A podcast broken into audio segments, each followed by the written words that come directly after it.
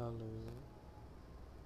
Jadi di sini gua mau iseng-iseng nih mau cerita-cerita cerita kalian di podcast ini.